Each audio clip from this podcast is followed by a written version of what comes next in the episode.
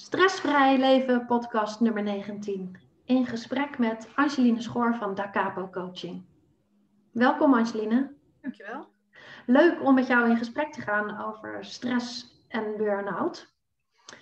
Ehm, jouw bedrijf heet Da Capo Coaching. Ja, klopt. Wat betekent dat? Waar staat dat voor? Da Capo is een muziekterm.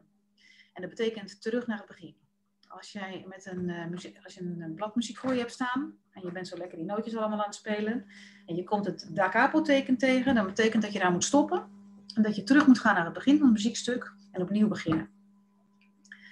En dat, vind ik wel een, dat vond ik wel een mooie metafoor, want uh, dat probeer ik ook mensen altijd, uh, daar, daar, probeer ik mensen bij te helpen. Als, als, er een moment in je leven of carrière komt waarvan je denkt van nou, ben ik hier nou ook alweer gekomen, het, dit voelt niet goed, dan denk ik dat het goed is om even te stoppen en terug te gaan naar het begin, naar je eigen begin. En dan van daaruit opnieuw te beginnen. Mooi. Helder. Want um, jij maakt ook in jouw coachings gebruik van muziek als tool. Ja. Zou je daar eens wat meer over kunnen vertellen? Hoe je dat dan precies doet? Ja, dat wil ik wel. Ik ben eh, naast coach en trainer ben ik ook muzikant. En dat is een heel belangrijk deel van mijn eh, persoonlijkheid. En ik heb altijd gemerkt dat ik, ehm, omdat ik muzikant ben, is het voor mij ook heel natuurlijk en heel gemakkelijk om te communiceren met muziek. Met muziek kun je vaak uh, uh, dingen verwoorden die met woorden niet mogelijk zijn. En je bereikt ook mensen direct in het hart. Nou, en wat is er nou mooier om dat dan ook gelijk in je coaching maar toe te passen? Want daar wil je ook van hart tot hart communiceren. Mm-hmm. En daar kom je heel vaak in situaties terecht waar woorden eigenlijk niet toereikend zijn. Of waarbij uh, het gevoel op slot zit. En daar kom je dan niet bij, dat je te veel in het hoofd zit. Dus vandaar dat ik muziek heel graag inzet, omdat je dan dat stukje hoofd even overslaat en een stukje hart aan het werk zet.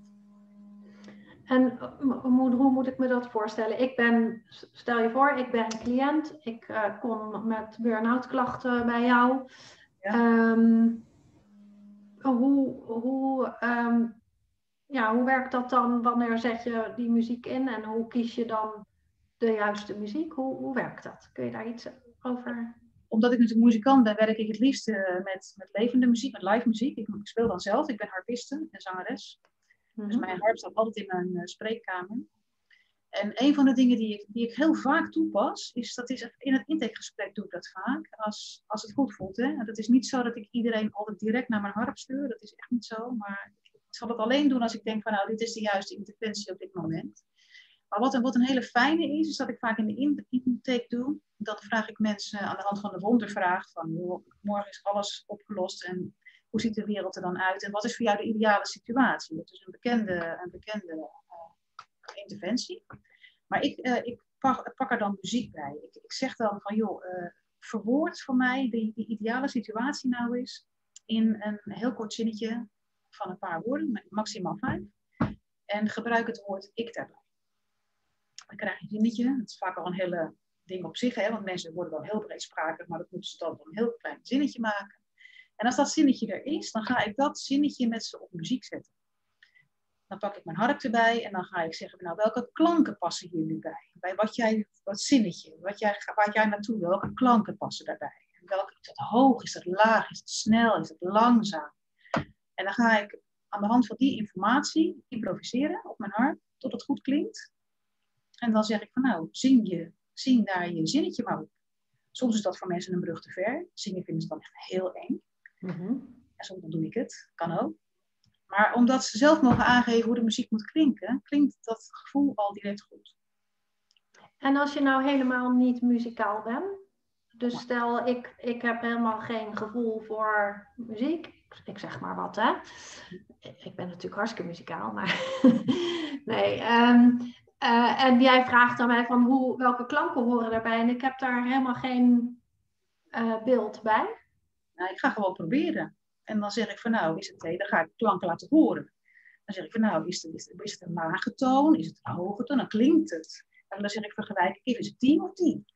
Nou, dat kun je ook je kunt ook wel zeggen, ja, nee, die vind ik beter. Nee, dat vind ik echt helemaal niks. Oh, wat scherp. Oh, nee, nee, dat is veel te hard. Nee, dat moet veel te zachtjes. Nou ja, zo, zo kom je daar ja, Dus je bent echt aan het zoeken samen naar Hoe klinkt dat dan? Hoe klinkt dat, ja. Dat is één interventie. Een andere interventie die ook al vaak toepassen en die ook heel goed is, is spiegelen. Wij als coaches moeten natuurlijk heel vaak gedrag spiegelen. Hè? Je, ziet, je neemt dingen waar en je geeft dan terug wat je ziet. Mm -hmm. Dat doen we vaak met woorden. Maar als je met woorden bezig bent, zie je toch weer in het hoofd. En soms willen mensen dat, kunnen het niet verwoorden, vinden dat heel moeilijk. Uh, of als ik dan teruggeef een waarneming, iemand bijvoorbeeld vreselijk dominant is en ik is zich daar niet van bewust, straalt dat helemaal uit qua uh, lichaamstaal. Komt ook niet altijd binnen, wil ook niet altijd binnenkomen. Mensen willen dat altijd horen. En dan ga ik ook spiegelen met muziek. Dus dan zeg ik bijvoorbeeld van nou, ik zie bepaalde dingen nu gebeuren bij jou en ik ga dat verwoorden in hoe het bij mij overkomt in muziek. En dat mhm. komt zo binnen. Dat komt zo goed binnen. Want dan voelen mensen namelijk wat ik voel bij hun lichaamstaal. Mm En dan heb je dat deurtje naar dat gevoel, naar het hart al geopend. En dan maakt het daarna makkelijker om erover te praten. Ik had als voorbeeld uit de praktijk iemand die was vreselijk uh, dominant aanwezig. Kreeg, kreeg dat ook als, als feedback van haar collega's elke keer terug. Maar was zich daar absoluut niet van bewust. Want hij zei van, joh, ik ben een hartstikke fijn mens. Ik heb een gouden hart. En uh, ik snap niet waar ze het allemaal over hebben. En ik had al gezegd van, joh, muziek, nou, ze is allemaal leuk daar moet ik allemaal niks van hebben, die flauwekul. En oké, okay, nou, doe ik dat niet. Maar gaande het gesprek zei ik van, joh, vind je het goed dat ik een experimentje doe? Mag ik eens een, een, iets bij jou uitproberen? Ja, dat vond ik wel goed. Dus toen ben ik die twee personen, waar we het over hadden, de dominante persoon en het goede hart, zeg ik, die ga ik voor je spelen. Dus toen ben ik een themaatje gaan improviseren met heel veel harde tonen en met flink volume. En ik zei, nou, dat, dat was dan de dominante persoon. Nou ja, oké. Okay. Nou, herkende ze zichzelf wel in een beetje. Ja, nee, ik snap wat je bedoelt, snap wat je bedoelt. En toen zeg ik, nou ga ik dat goede hart spelen voor jou. Toen ben ik datzelfde thema gaan spelen. Maar in plaats van een stevige mars, in een zacht walsje gaan spelen. Hogere tonen, zachter. En dan ging voor de vrouw de deur open. Die zei ik snap het wat je bedoelt. Ik doe de hele tijd van boem, boem, boem, boem. Maar ik moet een beetje biep, biep, biep, biep, biep doen. Nou, en toen had ik het deurtje open. Toen konden we erover praten. Mm En dan vult uh, taal eigenlijk aan wat je in, zeg maar, in, in dat hart hebt opengemaakt. Ja, dus moet ik dat zo, ja, zo geval, bij deze vrouw was de deur naar de taal, daar, daar kwam ik niet binnen. Want als ik vertelde wat ik zag, dat kwam niet binnen. Maar door die muziek had ze gevoeld toen begreep ze. En toen konden we erover praten. En dan kun je ook gaan praten over nou, hoe kan het anders. Mooi. Ja. ja. Hey, en naast muziek maak je veel gebruik ook van taal en spelen met taal. Hoe, uh, hoe, hoe doe jij dat? Nou, ik hou heel veel van taal. Ik hou van spelen met woorden, woordspeling en metaforen. Daar ben ik altijd al heel erg dol op geweest. Dus uh, woordgrapjes, uh, woordspelingen, die brengen ook altijd een beetje luchtigheid uh, in de sessies. En um, ik heb ook um, verhalen geschreven die um, vol, zitten met metaforen. Ik heb onlangs, dit jaar heb ik twee boeken uitgebracht. En dat is een, een klein boekje met korte verhaaltjes over contactmomenten pareltjes van contact. Uh, dat, het hele boek heet Met aandacht kijken. En het gaat dus ook met aandacht in de wereld staan. En dat zijn van die hele korte verhaaltjes waarbij je door met aandacht in de wereld te staan dingen op, opmerkt die, waar je anders aan voorbij gaat. Maar waardoor contactmomenten ontstaan met andere mensen. Dus dat is een van de taalgereedschappen die ik wel eens gebruik. Dan pak ik zo'n verhaaltje als het gaat over mindfulness, over rust nemen, over tijd voor jezelf nemen, over met aandacht in de wereld staan. Dan gebruik ik die verhaaltjes wel eens als inspirator. Ehm, en ook als huiswerkopdracht van, joh, lees nou eens een verhaaltje. En ga zelf eens een keer kijken of jij van dit soort aandachtmomentjes kunt vinden. Dus dat is één uh, tool. En ik werk ook heel graag met metaforen, zoals ik al zei. En uh, ja, ik, ik, hou, ik heb heel veel sprookjes geschreven. En in die sprookjes, die zitten helemaal vol met metaforen. Want die sprookjes die heb ik geschreven naar aanleiding van gebeurtenissen of thema's of types in mijn eigen leven. Waar ik uh, tegenaan ben gelopen, waar ik moeite mee had. En als ik ergens last van heb en ik weet niet goed hoe ik daarmee uit de voeten moet, dan schrijf ik er voor mezelf een sprookje over. Want dat maakt het voor mij een stukje inzichtelijker. Je neemt wat afstand, schrijft een verhaaltje over. Er zijn ook vaak, vaak zit er een hoop humor in, dus dan kijk je op een wat luchtige manier naar het thema of naar het type. Mhm. En je kunt ook zelf oplossingen verzinnen in zo'n sprookje die je in het dagelijks leven nog niet bedacht had. En daar, met die sprookjes kun je, dat is ook een manier van spiegelen. Als, je na, als iemand bijvoorbeeld een thema als uh, ja, uh, grote ego's, ambitiejagers, angsthazen, pleasers, allemaal van dat soort types. Als iemand bijvoorbeeld een enorme pleaser is, dat is een leuk voorbeeld, dan, dan kun je natuurlijk over dat please-gedrag gaan praten. Maar je kunt ook zeggen van nou, dan moet jij dat sprookje lezen van het onbaatzuchtige elfje. En dan gaat zo iemand lezen het elfje, wat doet het elfje allemaal? Ja, dat is herkenning, hè? Want ja, dat doe ik eigenlijk ook wel, dit gedrag. En nou, hoe lost dit elfje dat nou op? En dan kun je vanuit die uh, uh, ingang, kun je op een andere manier naar je probleem kijken. Of naar de vraagstelling kijken. Dus eigenlijk uh, gebruik je dat sprookje wat jij hebt geschreven vanuit jouw eigen leven. Ja. Hè? Dus de dingen waar jij tegenaan loopt, die heb jij vormgegeven in een sprookje. En die gebruik je nu om andere mensen mee bewust te maken. Ja. Mooi. Ja, dat is echt heel leuk om te doen. Ja. En hoe, hoe heet je sprookjesboek? Sprookjes voor kleine en grote kinderen. Mooi.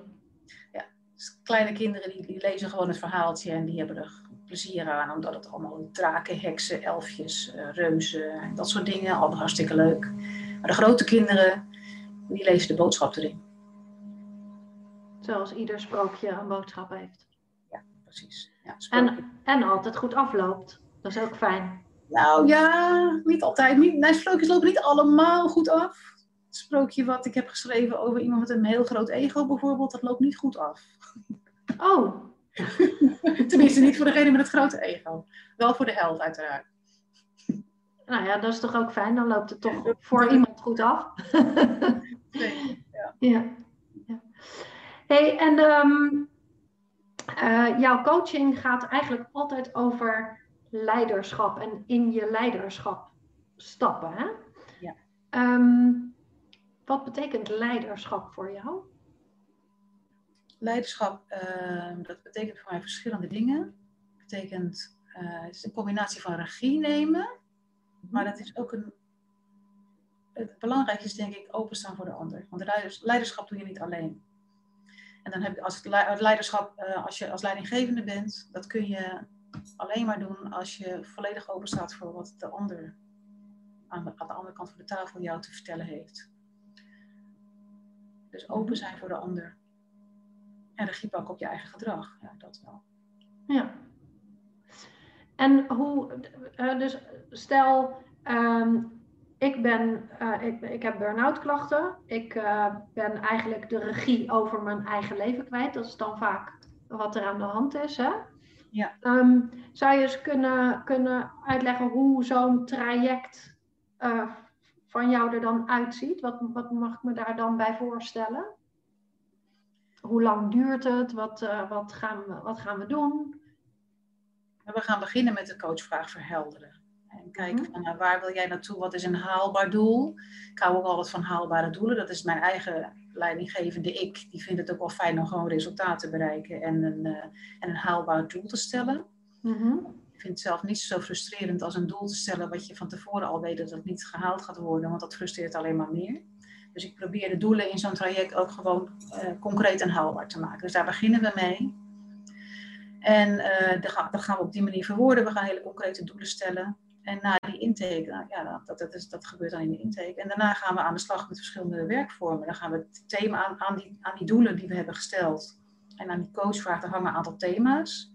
Dat kunnen thema's zijn als uh, aandacht voor jezelf hebben. Dat kan, dat kan zijn uh, uh, zelfwaardering. Er kunnen allerlei thema's aanhangen. assertiviteit. Er kunnen zoveel verschillende thema's aanhangen. Die gaan we benoemen. En daar gaan we ja, per sessie met een thema aan het werk. En dan pak ik dan de werkvormen bij die, die op dat moment passen. Waarvan ik denk van nou hier kunnen we een stap mee gaan zetten. Mhm. En zo bouwen we dat langzaam op.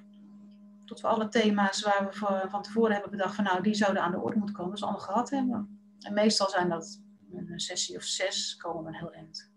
Oké. Hey, en wat heeft gemaakt dat jij uh, als coach aan de slag bent gegaan? Ja, dat was wel een leuke. Dus, uh, dat, dat, dat wortelt eigenlijk in mijn eh, stukje leiderschap. Ik ben zelf heel lang leidinggevende geweest. En mensen laten groeien en bloeien. Dat was altijd wel een grote drijfveer van mij. En ik zat op een gegeven ogenblik in een, uh, in een grote organisatie. Daar zat ik al een aantal jaren op verschillende teams. En ik hou ook veel van reizen. Dus ik was mijn reis naar Vietnam aan het plannen. En toen dacht ik van nou ga ik deze reis nu voor of na de reorganisatie plannen. Want wat is een handig moment om er voor mijn team even een paar weken niet te zijn. En toen kwam ik ineens tot de conclusie bij mezelf dat ik al vijf vakanties op rij om reorganisaties aan het plannen was. En toen dacht ik van nou, ben ik nog eigenlijk wel bezig met mensen laten groeien en bloeien? Volgens mij niet. Het voelt ineens niet goed meer. Dus ik dacht, nou, ik wil eigenlijk een, een stap gaan maken waarbij ik eh, nog steeds mensen kan laten groeien en bloeien. Maar dan wil ik eigenlijk ook dat mijn andere ikken, dus mijn, schrijvers-ik en mijn muzikanten-ik, dat het niet een geheel wordt. Want het waren altijd losse, losse entiteiten van elkaar. Nou ja, ik wist alleen niet hoe. Nou, wat doe je in zo'n geval? Dan ga je naar een loopbaancoach die je gaat helpen bij, goh, hoe kom ik tot dit uh, einddoel?